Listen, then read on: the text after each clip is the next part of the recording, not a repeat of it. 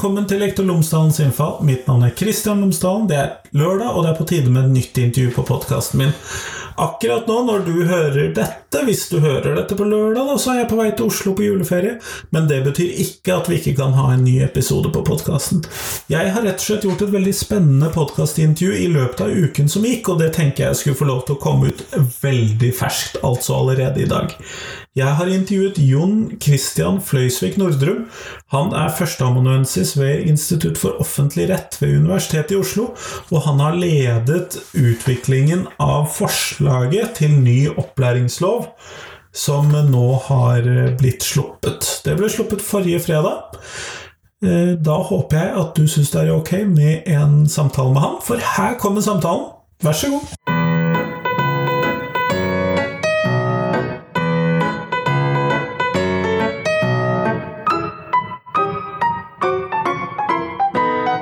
Jon Christian Fløysvik Nordrum, tusen takk for at du tatt tid til meg i dag. Takk for det. Det skulle bare mangle. Før vi starter selve intervjuet, kunne du ha fortalt lytterne mine tre ting om deg selv, sånn at de kan bli litt bedre kjent med deg? Ja, Tre helt enkle ting om meg selv er at jeg er fra Tromsø. Jeg er fra, nærmere bestemt fra Prestvannet i Tromsø. Eh, jeg er Så du, tok rett, du hadde rett når du antyda at jeg var fra Tromsø pga. dialekten min. Eh, og så eh, er jeg ansatt på juridisk fakultet ved Universitetet i Oslo, så jeg er jusforsker. Og så har jeg nettopp overlevert NOU 2019 nummer 23, ny opplæringslov, til eh, kunnskapsministeren Jan Tore Sanner. Og det er jo nettopp den vi skal prate om. Ja. Eh, og dette er jo kjempespennende når man først nå har begynt arbeidet som skal lede frem mot en ny opplæringslov. Ja. Eh, og Først helt generelt, hva er det som har vært de viktige prinsippene for dere når det gjelder det å skulle lage en ny opplæringslov? Eller eh, oppdatere en gammel en? Jeg er litt usikker på hva som er terminologien her. Sist gang det skjedde et så stort lovarbeid på opplæringsfeltet, var på 90-tallet. Da ble NOU 1995 nummer 18 eh, skrevet, og den danna grunnlag for opplæringsloven 1998. Nå er det også sånn at den NOU-en var det var et mindre arbeid, egentlig. fordi at uh, Arbeidet på 90-tallet handla egentlig bare om å slå sammen de skolelovene som da gjaldt i en felles opplæringslov. Så det, mandatet, det, det utvalget hadde ikke et bredt mandat til å vurdere lovgivning inngående. De skulle egentlig bare sette den sammen. Så det, er, det kan godt være at dette er den største utredninga som er gjort på skolefeltet. Samla utredninger. Eh, og det er jo et enormt arbeid. Altså, vi hadde, fikk et mandat fra Kunnskapsdepartementet, fra kunnskapsministeren. og I det mandatet så het det at vi skulle foreslå prinsipper for regelstyring av opplæringssektoren. Så skulle vi gi en helt ny lov, og så skulle vi også gi hjemler til å gi forskrifter til den loven. Så var det to ting som vi ikke skulle se på. Det ene var innholdet i opplæringen som en egen bestemmelse i opplæringsloven, men som også i all hovedsak er læreplanverket og overordnet del til læreplanverket. Og så skulle vi ikke se på formålet til opplæringen, og formålet til opplæringen har jo vært mange utvalgsprosesser og Stortinget har behandla formålet med utdanninga bredt. Så de to Ja, det har jo sine egne NOU-er. har absolutt sine egne NOU-er, og sine egne stortingsbehandlinger, hvor stortingspolitikere har ment ganske mye om det også. Så det er en veldig veldig bredt anlagt utredning. Altså Når vi gjør en så stor utredning, så er det jo mange ting som er på plass. For det første så må det være en veldig grundig prosess, og en inkluderende prosess. En annen ting er jo at uh, man kan ikke begynne stykkevis og delt. Altså Man må begynne prinsipielt. og Derfor er jo prinsippene for regelstyring viktig. Altså hvor, hvor, hvem jeg pleier å si, hvem skal bestemme hva, når og på hvilken måte? Det er det helt grunnleggende lovgivningsspørsmålet. For det er ikke sånn at lovgiver skal bestemme ett og alt. Det er ikke sånn at eleven skal bestemme ett og alt. Det er ikke sånn at lærerne skal bestemme ett og alt. Altså, Vi må finne ut hvem er det som skal bestemme hva, når og på hvilken måte. Og når vi har da tatt utgangspunkt i prinsipper som politikerne for øvrig er blitt enige om, som norske politikere er stort sett enige om, så det er noen prinsipper de er enige om, som vi må legge til grunn. Og det er f.eks. da eh, som nå har vært aktuelt de siste dagene i diskusjonen om lærernormen, så har det vært aktuelt. Så, så, er jo da prinsippet om kommunalt selvstyre og det prinsippet i kommuneloven om at dersom staten skal styre hvordan kommunene gjør oppgavene sine, så må det være nødvendig. Altså sagt på en annen måte, Det må være gode grunner for at staten velger å styre kommunen. og Hvis man skriver noe i loven, så innebærer det en styring av kommunene. Så mest mulig lokalt selvstyre, da. Altså Ett prinsipp er at beslutningen bør tas nærmest mulig den det gjelder. og Det er to veldig gode grunner til det. Det ene er lokalt selvstyre, det andre er fagkunnskap. Og det er det at f.eks. jeg er jurist, jeg er ikke pedagog. Eh, og vi vil ønsker ikke sånn generelt at jurister skal bestemme hvordan det skal være i skolen. Vi ønsker ikke at en stortingspolitiker skal bestemme nødvendigvis hvordan det er i skolen. Vi ønsker at det skal være grovt sagt en kombinasjon av lokal lokaldemokrati og fagkunnskap. Og så er det opplagt at det er ganske vanskelig å avveie alle disse hensynene mot hverandre. Men det er da vår tilnærming at vi, det er noen prinsipper vi har tatt utgangspunkt i, og så har vi lagd loven ut fra det. Og så er det også sånn at Vi har fått mange tilbakemeldinger. Da, så Det har vært en veldig omfattende lov, vanskelig å navigere i, det har vært vanskelig språk, vanskelig å forstå. Vi har, vi har forsøkt å lage en lov som er mer oversiktlig, lettere å forstå. Vi jobber veldig masse med språket. En ting jeg kan si innledningsvis òg, at det er en sånn oppfatning blant mange om at lover og regler det er noe jurister holder på med, men det er grunnleggende galt. fordi at lovene og reglene som gjelder for skolen, det er ikke juristenes lover og regler. Det er skolefolkets lover og regler. Ja, for vi trenger jo å bruke disse anvende disse og se på disse, om ja. ikke daglig, så i hvert fall ofte. Definitivt. Uh, og hvis det f.eks. står noe i en lov at noe skal være nødvendig, eller noe skal være forsvarlig, eller noe skal være hensiktsmessig, så er det ofte at folk spør jo, jo, men eh, det står jo bare at det skal være forsvarlig. Det, hvorfor står det ikke i loven hva som er forsvarlig? Hvorfor står det ikke hva det skal være? Da er jo svaret på det at ofte så vil jo sånne vurderinger bero på et faglig skjønn i en kontekst, i en situasjon. Og da kan man ikke ha en sånn utførlig lovgivning som bestemmer ett og alt. Så du må vise disse prinsippene som vi skal da ned på hver enkelt bestemmelse så må man ta, ta utgangspunkt i at det er ikke alt vi kan bestemme i en lov. Da, da, da blir det altfor detaljert. Da blir det veldig vanskelig å være i skolen. Så, eh, men, men, det som er viktig, er jo at eh, man forstår altså, Men det jeg var i ferd med å også si, er at vi har lagt stor vekt på å diskutere eh, loven ikke bare blant juristene, men blant alle. Så det utvalget som jeg leda, som var ti stykker, da var det to jurister. Og så var det pedagoger både forskerpedagoger og det er flere med lærerbakgrunn, og rektorer, og statsvitere og byråkrater. Og vi diskuterte jo bl.a. f.eks. lovteksten i utvalget, også for at vi skulle være sikre på at vi brukte et språk som alle forsto. Et litt sånn trivielt eksempel er at når vi begynte det arbeidet, så Og det har jeg hørt før, jeg har jobba med skolen før òg, men så er det sånn at mange sier at når jurister refererer til paragraf tre, første ledd, eh, annet punktum, så vet de ikke hva ledd er. Altså det, og det er litt sånn fremmedgjørende. Eh, det er ikke det viktigste poenget, men det er et poeng som illustrerer noe, at juristene har ofte sitt språk som kan virke, skape en viss avstand. Så vi valgte å gå bort fra den ordbruken, som er et relativt radikalt valg i juristkretser. Det vil nok vekke litt oppsikt i juristkretser. Ja, det kan jeg se for meg. At vi sier det avsnitt og setning, som er mer nærmere det, nærmere det allmenne talespråket. Første setning, annet avsnitt, første setning. Istedenfor Ledd og punktum? Ja, istedenfor ledd og punktum. Det er jo i seg selv ganske radikalt. Jeg er helt enig. Jeg, jo, jeg må jo stadig vekk google dette her med eh, ledd og punktum, bare sånn for å huske bruker jeg det riktig nå. ja. Sånn bør det ikke være. Nei, og jeg skjønner jo at dette sitter veldig mye bedre hos dere enn det gjør hos meg. Ja, vi har jo internalisert det på den måten at det nesten er vanskelig for meg nå å venne meg til at jeg skal si avsnitt og setning. Og det er faktisk ikke så veldig radikalt heller, for det var et lovstrukturutvalg, som det het, som avga en NOU, NOU eh, eh, 1992 nummer 32, eh, om, eh, som anbefalte at man skulle gå til avsnitt og setning. Av nettopp de grunnene som jeg nevnte. Men, eh, men det falt på stengrunn Det falt på stengrunn i juristkretser. Men nå, for skolefeltet, så prøver vi på nytt.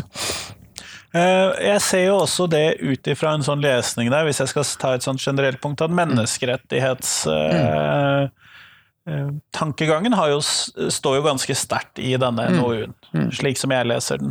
Ja. Er det en riktig lesning av meg? Ja, jeg er- er veldig enig, og det er veldig fint at du sier det. fordi at med en gang denne NOU-en kom ut, så ble det lærernorm som de aller fleste diskuterte. Og så er det rettighetsbestemmelser på et avgrenset område, viktige rettighetsbestemmelser, men f.eks. språkrettigheter og sånn, som veldig mange med en gang eh, begynner å diskutere. Klart nok fordi det er viktig, men, men det som er Nynorsk og samisk og Nynorsk og samisk, som har fått litt oppmerksomhet allerede. Eh, Så eh, det som vi har gjort, som er grunnleggende her, er at vi har, nettopp som du sier, tatt en menneskerettslig tilnærming. Eller vi har da lagt til grunn annet de grunnlovsbestemmelsene vi har i vår grunnlov, og noen av dem er ganske nye. I, grunn, I 2014 så vedtok Stortinget flere nye grunnlovsbestemmelser. Og det var annet Grunnlovens 104, som sier kort fortalt at, eh, at man skal legge eh, grunnleggende eller avgjørende vekt på barnets beste, og at barnet skal kunne medvirke i saker som gjelder dem.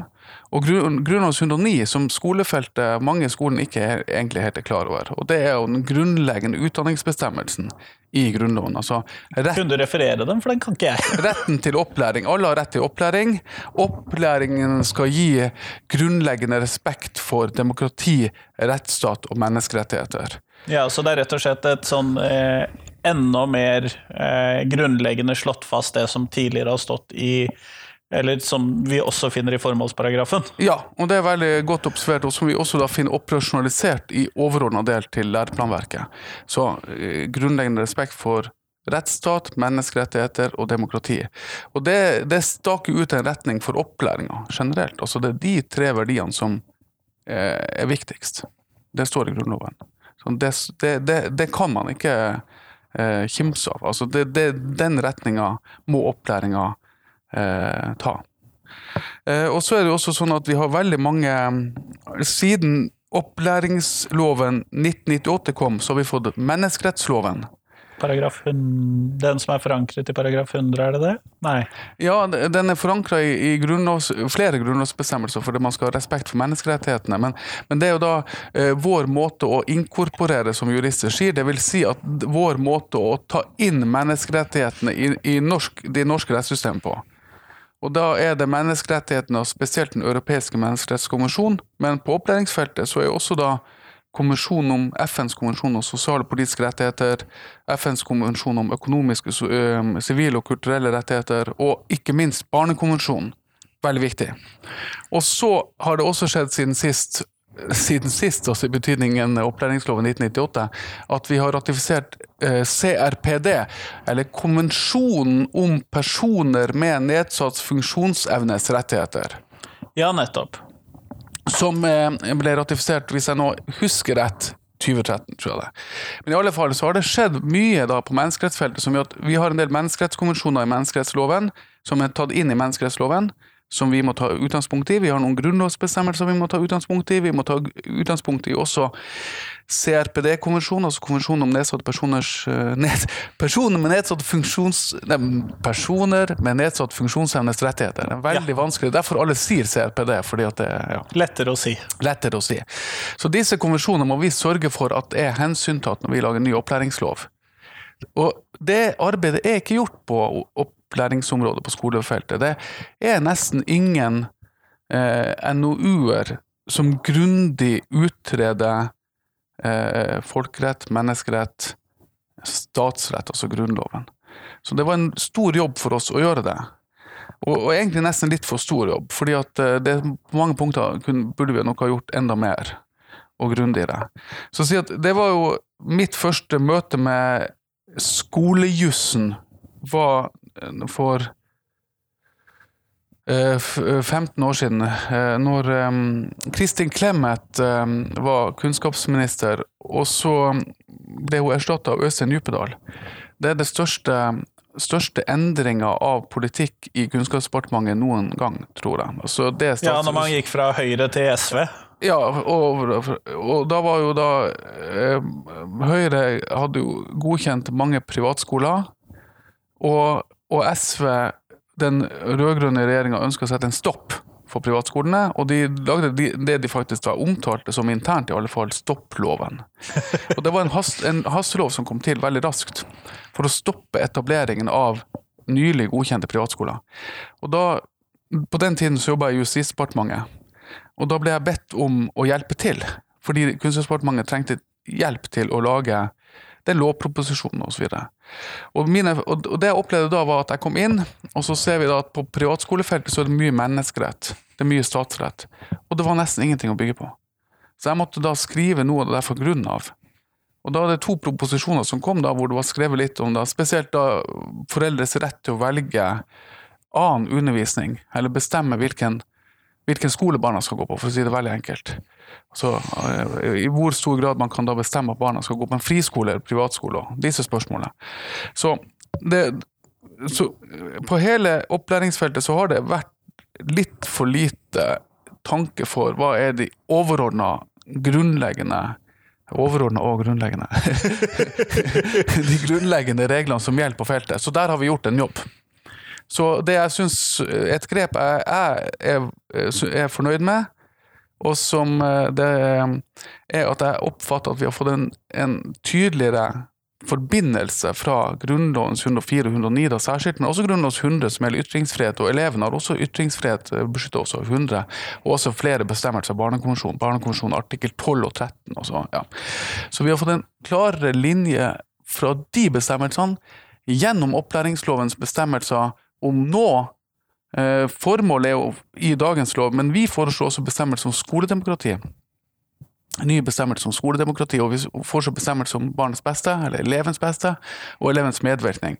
Gjennom de bestemmelsene til overordna del i læreplanverket.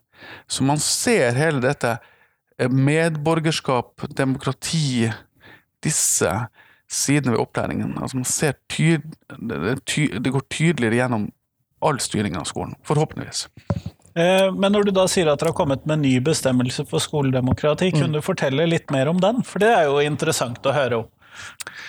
Eh, eh, et viktig aspekt er jo at det i seg selv er en bestemmelse som heter skoledemokrati. Ja. Og så er det da og, At det faktisk er kommet en slik bestemmelse? Ja, og elevdemokratiet, Altså skoledemokratiet er én side av saken, og elevdemokratiet en annen side av saken. Og, og, den har jo fått bitte litt oppmerksomhet, og det er jo fordi at vi, vi, vi, vi foreslår å fjerne kravet om elevråd. Og da er det viktig å få med seg at vi gir elevene en rett til å velge elevråd, så elevene kan selv velge og bestemme om de skal ha elevråd. Så skolen skal ikke lenger tvinge elevene til å ha elevråd, men elevene kan velge å ha elevråd? Ja, og jeg vil også tro at normalversjonen, det vanligste vil være at elevene har et elevråd. Men når vi har vært rundt omkring i landet, så er det mange som har fortalt oss at elevdemokrati ikke fungerer godt. Eller altså i betydningen elevrådet fungerer ikke godt. Men at, og det andre også som har vist ulike former for elevmedvirkning, som bl.a.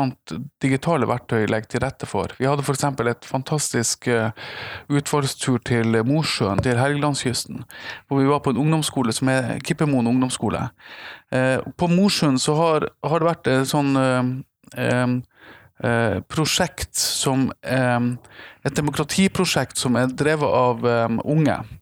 Eh, som gir, kan gi rapporter til eh, offentlige myndigheter når de planlegger innenfor ting som har betydning for barn og unge. Vi fikk en sånn eh, rapport fra dette prosjektet om opplæringsloven, hvor de hadde diskusjonsgruppe med unge folk som diskuterte problemstillinger som er aktuelle for oss. Ganske herlig. Ja, og den er fantastisk on the point. altså Veldig mye nytt, nyttig i den rapporten.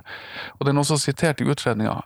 Men, men det, det, jeg egentlig skulle fortelle, var at vi var med da på skolekvitring på Kippermoen ungdomsskole, hvor da, jeg tror det var niende trinn, satt og diskuterte med digitale enheter, eh, og så kom det opp da Det her er jo verktøy som mange kjenner, altså, um, som finnes mange ulike varianter, men når man da fikk opp på storskjerm, fikk man i sanntid innspillene fra alle gruppene, sånn at det ble en dynamisk diskusjon hvor man også diskuterte andre gruppers innspill uh, i sanntid.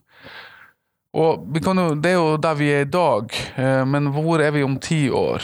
Digital samhandling og digital medvirkning i skolen. Hvor, og Da er det et annet viktig aspekt eh, ved det her, er jo at den loven vi nå forbereder, den vil jo, hvis den blir, hvis den blir vedtatt som lov, så vil det jo gjelde en generasjon fremover. Sannsynligvis. Sånn, det, vi bytter jo ikke opplæringslov hvert tiår. Nei, det ville vært helt vanvittig hvis vi gjorde det. For da måtte vi, det, det ville vært utrolig krevende, og det tar veldig lang tid før en lov setter seg. Altså før alle internaliserer loven og institusjonaliserer loven, blir kjent med loven. og det krever veldig mye. Det er et veldig viktig aspekt ved lov at du løser egentlig ingenting med å vedta en lov. Det er det som kommer etterpå som er viktig, men det er viktig at ikke loven står i veien for det som skal komme etterpå. Men i alle fall, altså, når vi lager skoledemokratibestemmelser, så er det også med tanke på hva er mulighetene litt frem i tid. Og den skoledemokratibestemmelsen vi eh, foreslår, den, den, eh, den, eh, den, stiller noen kvalitative plikter til kommunen, f.eks. skolen og kommunen. Nei, skolen og kommunen da. Skolen skal legge til rette for å oppmuntre til at alle elevene ytrer seg og deltar i skoledemokratiet. Det er jo et svar Dette er også et, en oppfølging av Ungdommens makt- og demokratiutredning, som jeg tror var NOU 2011 nummer 20, hvis jeg ikke husker helt feil. Trond-Viggo Torgersen leda den utredninga, hvis jeg ikke husker feil. Men der eh, er man jo inne på en del eh, også om eh, elevdemokrati og skoledemokrati. og Jeg mener bestemt de var innom dette poenget, og det er andre som har vært innom det før, at, at på en del skoler så er det demokrati for de få. Altså, de som få som gidder eller blir heiet frem av klassekameratene som da sitter i, i et råd og så bestemmer ja. kanskje noe. Akkurat. Og da er jo det et viktig poeng med demokrati, hvis man tenker at elevene skal lære eh, demokrati. Det står i Grunnloven. Grunnlovens 109. Det skal lære seg respekt for rettsstaten, demokrati og menneskerettighetene. Hvis de skal lære seg respekt for demokratiet, så og det her eh, fremgår jo av pedagogisk forskning, eh, og det fremgår også av eh, noen offentlige utredninger hvor det poenget er gjort, også Ungdommens makt og demokratiutredning, at du lærer demokrati gjennom demokrati. Ved å være deltaker i demokrati. Så her er det sammenfall mellom den rettslige styringa og opplæring i skolen. Hvis man mener at man skal lære elevene demokrati, så må også elevene delta i demokrati. Eller det er da, sagt på en annen måte, den beste måten å lære demokrati på. I tillegg til at de har demokratiske rettigheter. Og Da er det viktig at man tenker om demokratiet som at det er alle elevene skal ha mulighet og oppmuntres til å delta i en eller annen form for demokratisk eh, deltakelse. Også kanskje de med funksjonsnedsettelser og en del andre grupper som ofte høres dårligere enn andre. Absolutt.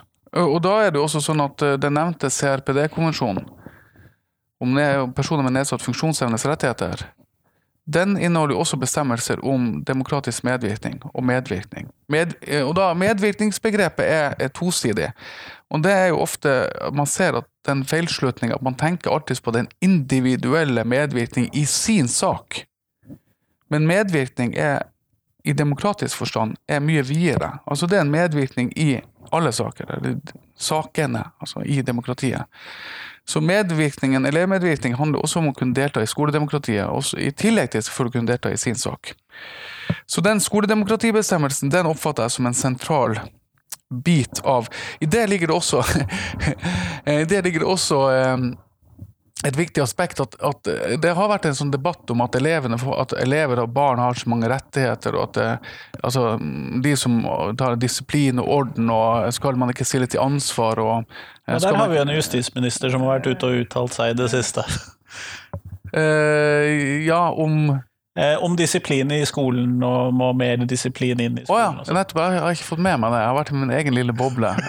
Men det er de som omtaler da, disiplin, altså behov for disiplin, eller altså, som på en annen måte kan si og tenke at demokrati og demokratiet det er så viktig. altså Her trenger vi litt orden. Og da er det jo også sånn at det er jo veldig mye forskning som viser at eh, både på på barnenivå, altså elevnivå blant barn, men også blant voksne, at hvis du har vært med på å lage regler, og dette er mitt forskningsfelt. Det har jeg også skrevet doktorgrad om. Altså eh, styringen og rettsregler, og hva skal til for at regler faktisk blir etterlevd. Og Dette er det helt grunnleggende forskning på. At hvis man har vært med på å lage reglene, eller akseptere måten reglene har blitt til på, så er man mer tilbøyelig til å etterleve reglene. Så hvis man ønsker å lage orden i skolen, så kan én måte å gjøre det på også være å gi gode medvirkningsordninger, fordi at da har man større grad av tillit. Eh, beslutninger som blir tatt av større grad av legitimitet, så gjør man i større grad etterlever det. det Djupedal-utvalget, den NOU-en fra 2016 om skolemiljø, er jo innom noen av disse sidene. Og det er jo en del av disse verktøyene som brukes i skolen også, som baserer seg på sånn type tenking. Så det er det rasjonale bak demokratibestemmelsen. Ja, og dette her med rettigheter leder meg jo egentlig over til en av de neste punktene som jeg hadde tenkt å ta opp med deg. Og en av eh, de bestemmelsene i- den eksisterende opplæringsloven, altså 1998-varianten, Ja. som har skapt mest eh, baluba blant lærere de siste årene, er jo dette kapittel 9a. Eh, og denne subjektive, i hvert fall subjektive innretningen som mange mange opplever at den har. Hvordan er det dere har tenkt eh, på videreføringen av eh, dette kapitlet videre i nye opplæringslover? Der har ikke vi foreslått så veldig radikale endringer. Litt av grunnen til at vi ikke foreslår så store endringer, det er at eh, disse bestemmelsene, eller i hvert fall deler av dem, de ble endra ganske, eh, ganske mye i 2017. Så det er regler som har fått virke relativt kort tid. Eh, og så har det vært endring i det kapittelet også før òg, så det har på en måte ikke vært eh, Det har ikke fått satt seg ordentlig. Eh, Så det er en sånn forhandling som foregår der fremdeles om hvordan disse skal tolkes og Ja, du, du kan godt eh, si at det er en slags forhandling. Altså det, det som nå skjer, er jo at eh, altså, Når vi begynte på vårt arbeid, så, så ble vi enige om så begynte vi, altså Det er veldig mange temaer, så vi sorterte temaer. Når skal vi diskutere dette? Eh, hvordan, hvilken prosess skal vi ha på disse spørsmålene? Og, så og det, det er skyld å si også at vi hadde jo en referansegruppe til eh, vårt Ja, det har jeg sett. Ja, som er en veldig stor gruppe med, med, med veldig mange av de viktige organisasjonene. F.eks. sånn Utdanningsforbundet og, og KS, kommunesektorens interesseorganisasjon. Så vi, vi planer hvordan vi skal involvere de, og så videre, så prøvde vi å få oversikt over andre prosesser som påvirket, som hadde betydning for oss. Og da så vi jo at det var veldig mange som holdt på med å analysere hvordan kapittel 9a fungerte på ulike måter. Altså både, både KS og Utdanningsdirektoratet og Barneombudet. Det er det flere rapporter blant, fra konsulentfirmaer, Deloitte, fra Barneombudet osv.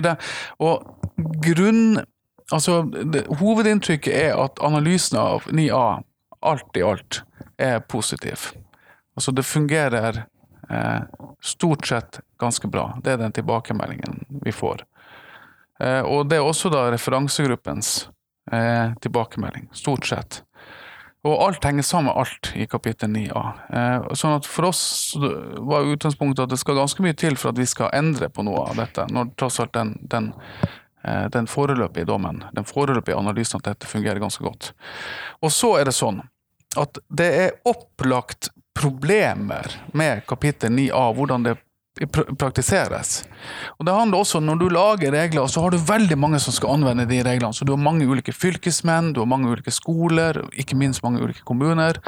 Og de vil da, typisk når noen regler kommer som inneholder skjønnsmessige elementer, som kan, kanskje også kan misforstås, altså reglene kan misforstås, men de kan også forstås ulikt innenfor en naturlig forståelse av reglene. Plausibel, man kan ikke si at det er feil, men det er ulik forståelse.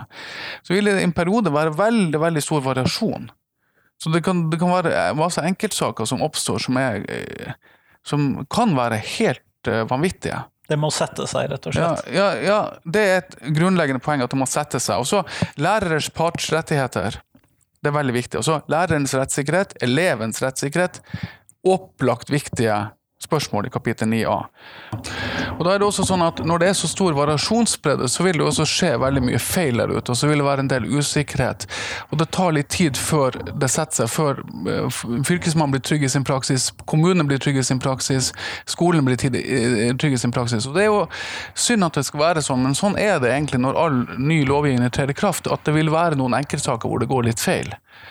Eh, Vi har egentlig ikke funnet noen god måte på å sikre at, ikke, at det skjer litt feil. Og da er det jo sånn at eh, Det grunnleggende er jo at rettssikkerheten til parter i forvaltningssaker er ment ivaretatt av forvaltningsloven sine regler. Så det er de vanlige reglene om rettssikkerhet som gjelder på alle felt. Også på skolefeltet. Forvaltningsloven gjelder for skolene, fordi skolene er forvaltningsorgan, og Det tenker kanskje ikke så mange lærere på. Forhåpentligvis så tenker de fleste rektorer på at det faktisk er forvaltningsorgan, og Der man må forholde seg til de reglene. Så reglene om f.eks. muligheten til å ta til motmæle, kontradiksjon, retten til å få innsyn i sakens dokumenter, eh, retten til å kunne klage de rettighetene er ment ivaretatt av forvaltningsloven. Og så blir det sånn, hvordan passer nå forvaltningslovens regler på disse sakene? Der skjer det litt sånn Det, det, må, det må også da eh, eh, man finner ut av. Det som er problemet, er at man kan ikke finne ut av det på lovnivå. Fordi at det er tusen Det er ikke tusen er underdrivelse. Det er et utall ulike varianter av personkonstellasjoner, mulige saksforhold der ute. Og det er helt umulig for en lovgiver, altså når man skriver en NOU, å forestille seg alle disse situasjonene. Så et eksempel. Det var en sak hos Sivilombudsmannen i fjor, i 20, eh, 20, så, eh, 2018, om en kontaktlærers eh, rettigheter i en sak om eh, om, eh, om, en krenkelse etter kapittel 9a, hvor det var en elev som har ment seg krenka av en kontaktlærer. Og Saksforholdet var på det rene, egentlig, men eh, kontaktlærer ønska innsyn i saken. Innsyn i sakens dokumenter osv. Hvor da den saken kommer til fordi eh, kontaktlæreren har da blitt nekta innsyn i sakens dokumenter, hvis det egentlig ikke var det her gjaldt. Og Det har jo betydning for muligheten du har til å ta til motmæle. Det har jo også betydning for uh, altså, hvordan du i det hele tatt forstår og opplever din egen situasjon. Det kan være rent kaf kafkaisk eh, hvis du ikke vet hva Altså I prosessen Frans Kafka, som ofte blir brukt som, en, som, en, som bilde på en forvaltningsprosess som ikke fungerer, eller en straffeprosess eller en forvaltningsprosess som ikke fungerer, er jo at Josef K. i den boka han blir jo presentert Han blir kjent med at det finnes en anklage men ikke hva? Eller, eller eksistensen, tydelige signaler på at det finnes en anklage, men ikke hva, ikke hva, den gikk ut på. Og det er helt grunnleggende at man skal kunne orientere seg om forhold som har betydning for dine rettigheter. Det er helt grunnleggende. Og det Sivilombudsmannen da sa i den saken der, var at denne læreren i denne saken hadde krav på innsyn i sakens dokumenter. Så sa ikke Sivilombudsmannen at læreren var å anse som part, han tok ikke stilling til det. Eh, jeg syns kanskje at Sivilombudsmannen burde vurdert det mer direkte, og ut ifra det eh, saksforholdet der, så vil jeg nok si at det var mye som tyder på at egentlig at læreren var part i den saken og skulle ha partsrettigheter. Men det spilte for så vidt ikke så stor rolle når da Sivilombudsmannen sier at læreren har rett på noen partsrettigheter, nemlig innsyn i sakens dokumenter. Den saken kommer til. Så vil det komme andre saker til, og etter hvert så blir det mer og mer og mer robust rundt læreren. Og så er det også å si, Du nevnte det her med subjektiv, altså elevens subjektive opplevelse. Så her har vi jo forsøkt skrevet en del om det i utredninga, for å forsøke å klargjøre en del av de eh, spørsmålene som, som, oppstår. Fordi det er ikke sånn at man skal legge elevens ord til grunn i ett og alt. Man skal legge elevens subjektive opplevelse av det eh, til grunn når man får et, eh, blir kjent med en sak. Men man skal vurdere det også rent objektivt. Altså, hva er dette? Er dette en krenkelse? Men, men, poenget, det som er veldig viktig, er at hele kapittel 9a-systemet, det som er kapittel 9a, og som i vårt forslag Og nå pleier jeg å forveksle kapittel 11 og kapittel 12, men jeg tror det da er vårt forslag kapittel 11. Um, uh, det er kapittel 11, ja. Um, så at, at, skolen ikke så er passive. For det, det som har vært problemet i mobbesaker, har jo vært at skolen og lærere og eh, rektor har vært for passive. Så Et veldig viktig poeng med, med kapittel 9a er at noe skjer. At det settes krav til aktivitet? Ja, at det settes krav til aktivitet, men så kan jo vurderingen som man kommer etter at aktiviteten er satt i gang, føre til at ok, her er det tross alt ikke noe Eh, altså, eh, det, det, som ble fremført, var saklig kritikk. Det var ikke en krenkelse. her. Så her eh, kan aktivitet da være et møte, et klargjørende møte? Ja, at man setter det i gang en prosess. Og så har jo vi gjort noen få endringer, bl.a. at vi har gitt mulighet for rektor til å ikke rapportere videre varsel som er åpenbart grunnløse, som vi skriver. Um, uh, som er da, det er en høy terskel, men at man ikke da setter i gang store prosesser på bakgrunn av Eh, altså Det som åpenbart er ingenting? Ja, det som åpenbart er ingenting. Ja, nettopp. Skjønner. Det i dag ikke er et klart grunnlag for. Men jeg har ingen problemer med å se at, uh, at lærerne er, er bekymra for sin rettssikkerhet. Um, og svaret på, på det, den utfordringa er egentlig at det må alle aktørene rundt Eh, alle, alle, aktørene som har ansvar for rettssikkerheten, ta på alvor. Altså Sånn som Sivilombudsmannen og Utdanningsforbundet og KS må jobbe med disse sakene. Utdanningsdirektoratet må ta jobben på alvor med å skrive veiledninger, og sånn som de gjør, men det er veldig viktig at den jobben blir gjort. For at man kan ikke ivareta eh, alle sider ved rettssikkerheten i en lov, fordi det begrenser plass til antall ord. rett og slett. Så når det, er, når det er typisk to interesser som potensielt kan stå mot hverandre, sånn som en elevs interesse og en lærers interesse i en sak, så må det avstemmes litt ut fra hvordan den saken ser ut. Og det er så mange saker at loven kan ikke avstemme alle sakene. Det går bare ikke. Og da ut ifra prinsipper som man da finner i andre lover, som forvaltningsloven. Ja. Som gir de, de konkrete rettighetene. Eh, Nettopp. Og også da utdypa i forskrifter, i veiledninger ved sivilombudsmannsavgjørelser. Når sivilombudsmannen har sagt etter den saken, så vil man legge vekt på det senere. I andre saker. Så etter hvert så vil det utkrystalliseres en praksis som vil være finmaska nok til at det blir tryggere og lettere å forholde seg til. Nettopp, nettopp. Eh, en annen lovparagraf som har eh, Eller én lovparagraf, siden vi nå snakket om et kapittel. Ja. Men en lovparagraf som har hatt mye politisk eh, diskurs rundt seg, er paragraf 2-4 i den eksisterende loven.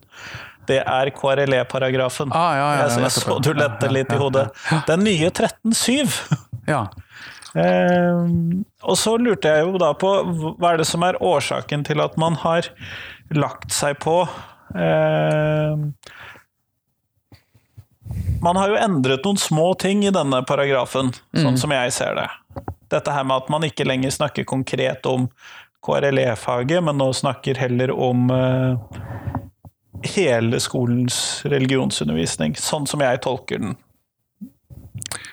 Eh, ja. Em, så For det første så er det sånn at hele loven er egentlig endra i den forstand at vi har gått gjennom språk og sammenheng. Eh, sånn at det kan være mange mange ord som er endra, formuleringer som er endra uten at man der, dermed har ment å endre substansen.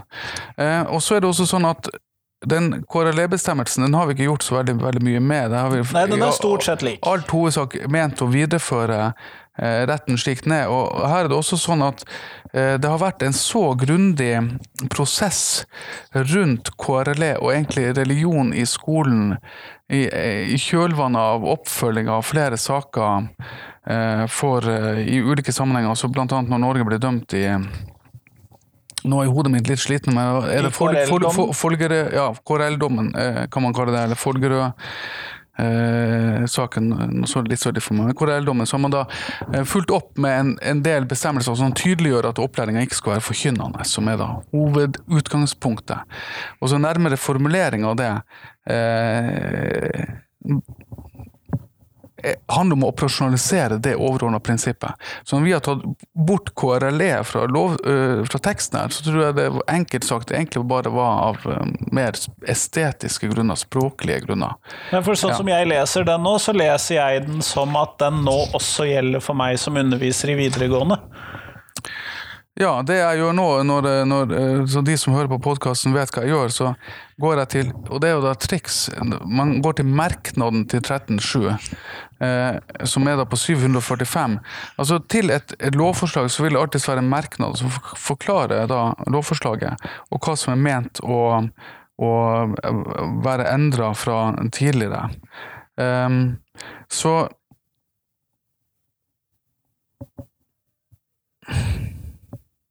Så jeg tror jeg, her, det, det, i, I den bestemmelsen så er det ikke pekt på at det er ment å gjøre noen endringer. Men jeg, jeg må innrømme at jeg blir litt svar skyldig. Altså på, jeg, jeg vet ikke om, om hva som egentlig er om Det er noen, det er ikke noen større endringer der. Men, men på detaljnivået så er jeg litt usikker på om det er, om det er noen endringer. Det, skal, det er i all hovedsak en videreføring. Og Da kan jeg også bare si at det er jo en veldig veldig stor utredning. Det er Eh, 800 sider minst, eller 816 tror jeg det er. så- Jeg syns jo dette var for fantastisk å få i hendene. Så for meg er det veldig veldig viktig å bare også gi uttrykk for at det er veldig mange ting jeg ikke kan svare på. Faktisk så er det sånn at nå, må, nå, eh, Etter overleveringa som skjedde på fredag, så må jeg lese meg opp på utredninga.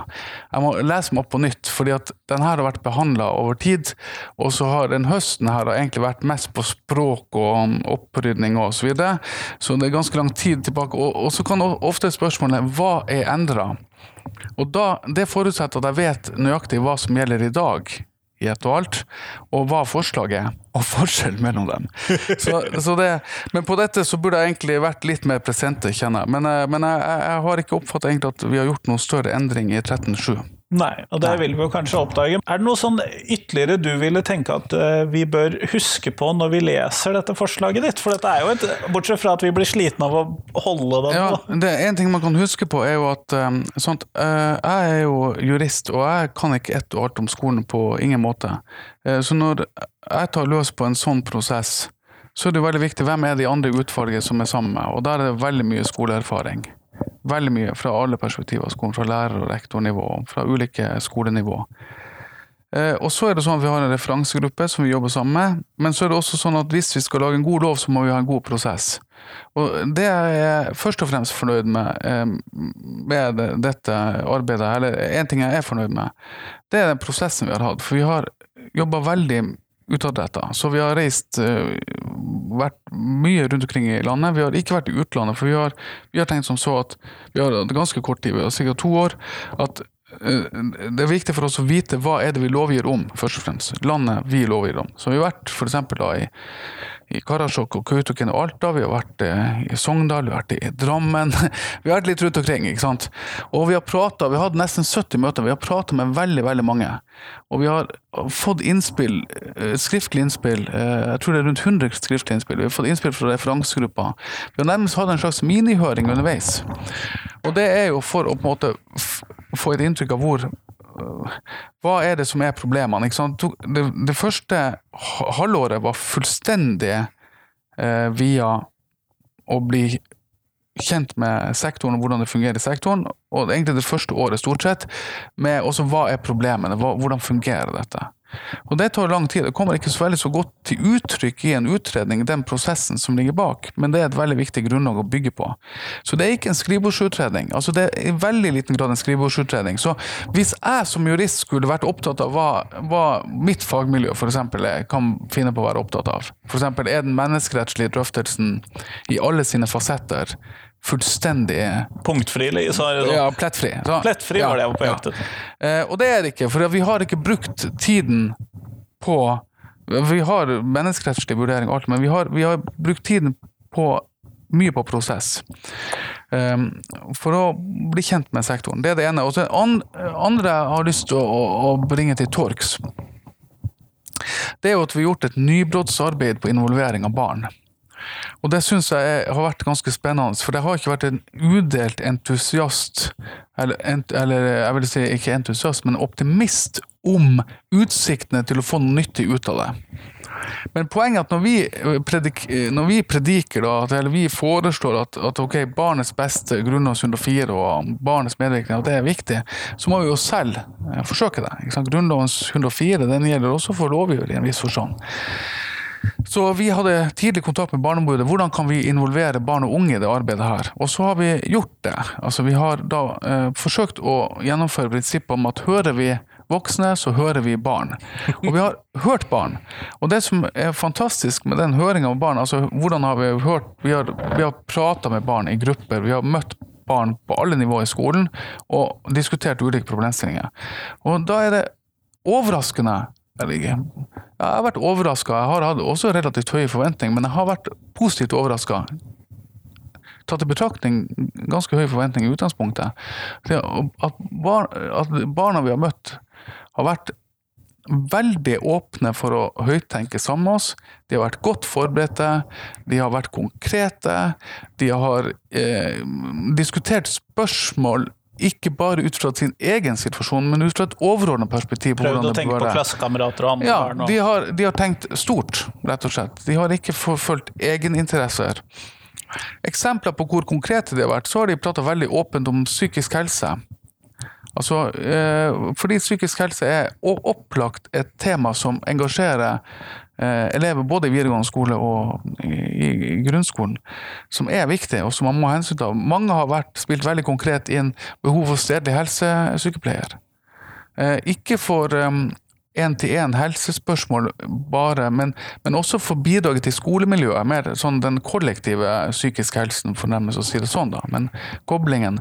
Og det er også når man, når man diskuterer f.eks. lærernorm, så er jo ikke sant, det at altså, Vi kunne hatt et krav vi, har ikke, vi foreslår ikke et krav til stedlig helsesykepleier. eh, Nei, det så jeg ja, eh, og, men det kunne man ha gjort. Ikke sant? Det, det, det er en del sånne prioriteringer som ligger her i hva man ikke foreslår også.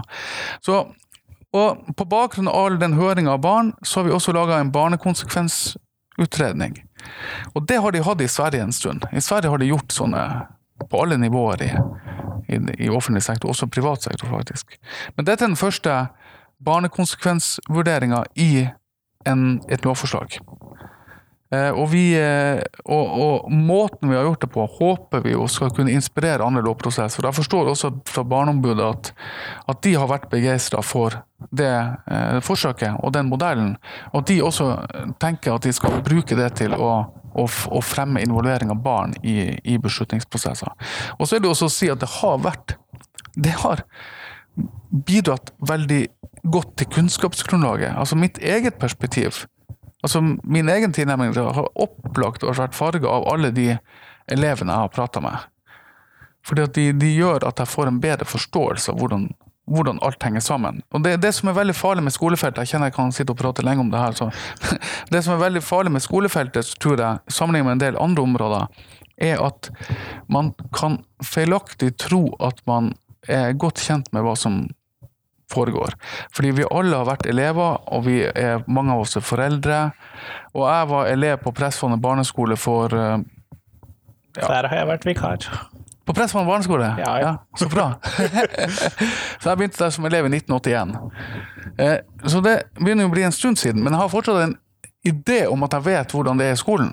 Men mange uttaler seg jo med det som grunnlag. I skolen så gjør man det sånn og sånn og sånn og sånn, fordi ja. Nettopp. ikke sant? Fordi at man tror at man vet hvordan det er i skolen. Og man tror man vet hvordan en elev tenker, men elevene tenker og er utsatt for andre eller står i andre problem, problemer og andre situasjoner i dag enn jeg gjorde for 40 år siden.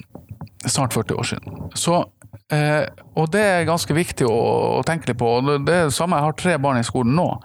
Sånn at jeg har jo blitt klok også i kraft av å se at de kommer inn i skolen og, og de vokser opp. altså Det er en helt annen situasjon. Og det, på skole, og det har litt med de prinsippene for rettslig styring også å gjøre. at Vi, vi maner jo til en viss sånn edruelighet. At man ikke bør detaljstyre for mye. Av hensyn både til lokaldemokrati, men også elevenes selvbestemmelse, foreldrenes selvbestemmelse, også fagfolks gode vurderinger i ulike situasjoner, så maner vi til en litt sånn tilbakeholdenhet med å, å regulere.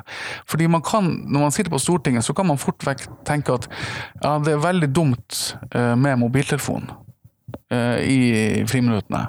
Eller det, man, kan, man kan ha veldig bestemte oppfatninger om hvordan ting bør være i skolen på et ganske detaljnivå. Man ville ikke gjort det samme om helsesektoren. Man ville ikke sagt en stortingsrepresentant skal være ganske ballsy for å mene noe om sykepleieren sin, eller pasientens eh, Hva pasienten gjør eller ikke gjør, eller hva sykepleieren gjør eller ikke gjør, eller hva legen gjør eller ikke gjør. Men på skolefeltet så forholder det seg litt annerledes. De aller fleste mener seg på en eller annen mange mener seg berettiget til å mene relativt sterkt. Og det er kanskje et dilemma, og ikke minst media. Nettopp fordi at så mange er interessert og kan reagere på hva som skjer i skolen, så får du en så veldig sterk medieoppmerksomhet rundt skolen. Alle har en kobling. Alle har en kobling, alle har en mening. Kjempeflott. Tusen takk Ja. for at du tok deg tid til meg i dag. Ingen årsak. Det var veldig, veldig hyggelig og ja, flott.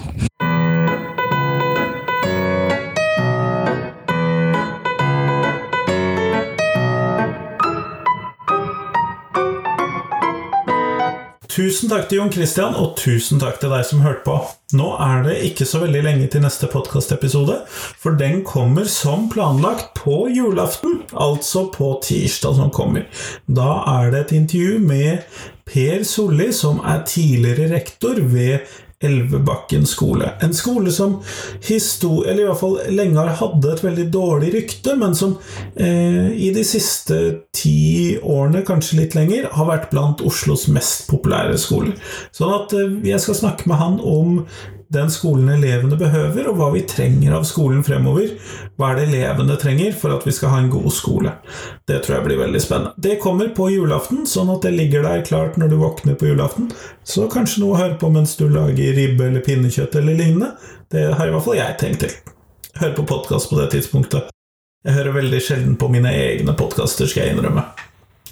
Men i hvert fall Det er på tirsdag, så får du ha en fin eh, helg fram mot det, og slapp litt av i juleforberedelsene. Hei, hei!